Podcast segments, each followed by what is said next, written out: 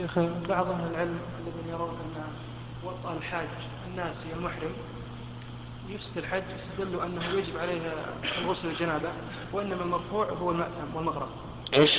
استدل بعض أهل العلم. أقول وإن وإن يجب عليه غسل الجنابة وإنما الممنوع مرفوع المأثم لا يأثم. نعم. كيف يرد على ذلك؟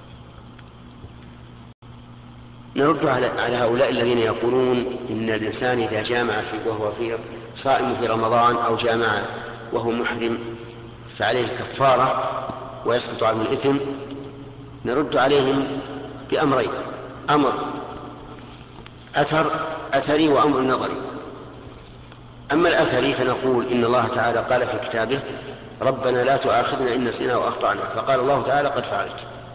وقال تعالى وليس عليكم جناح فيما أخطأتم به ولكن ما تعمدت قلوبكم وهذا لم يتعمد.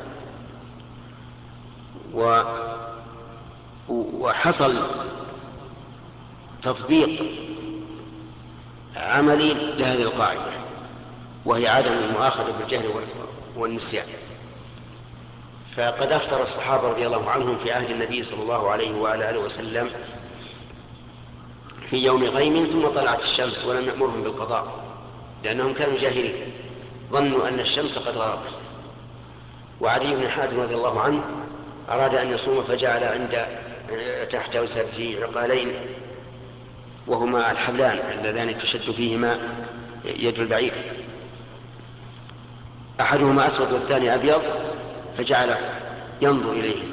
فلما تبين الخيط الأبيض من الخيط الأسود أمسك ولم يمر النبي صلى الله عليه وعلى آله وسلم بالإعادة. ومعاذ بن الحكم تكلم في الصلاة. ولم يأمره النبي صلى الله عليه وسلم بالإعادة. فالمهم أن نقول هذا هذا هذه الأدلة تدل على أن الإنسان إذا فعل شيئا محرما جاهلا أو ناسيا فلا شيء عليه. أما الدليل النظري الذي نرد به عليهم فنقول إذا سقط الإثم لزم سقوط الكفارة لأن الكفارة فإنما تكون من أجل اتقاء عقوبة هذا الإثم. فإذا لم فإذا لم يكن هناك إثم فلا عقوبة. وعموم العفو في قوله تعالى ربنا لا تؤاخذنا إن نسينا وأخطأنا يشمل العفو عن الذنب والعفو عن الكفارة نعم.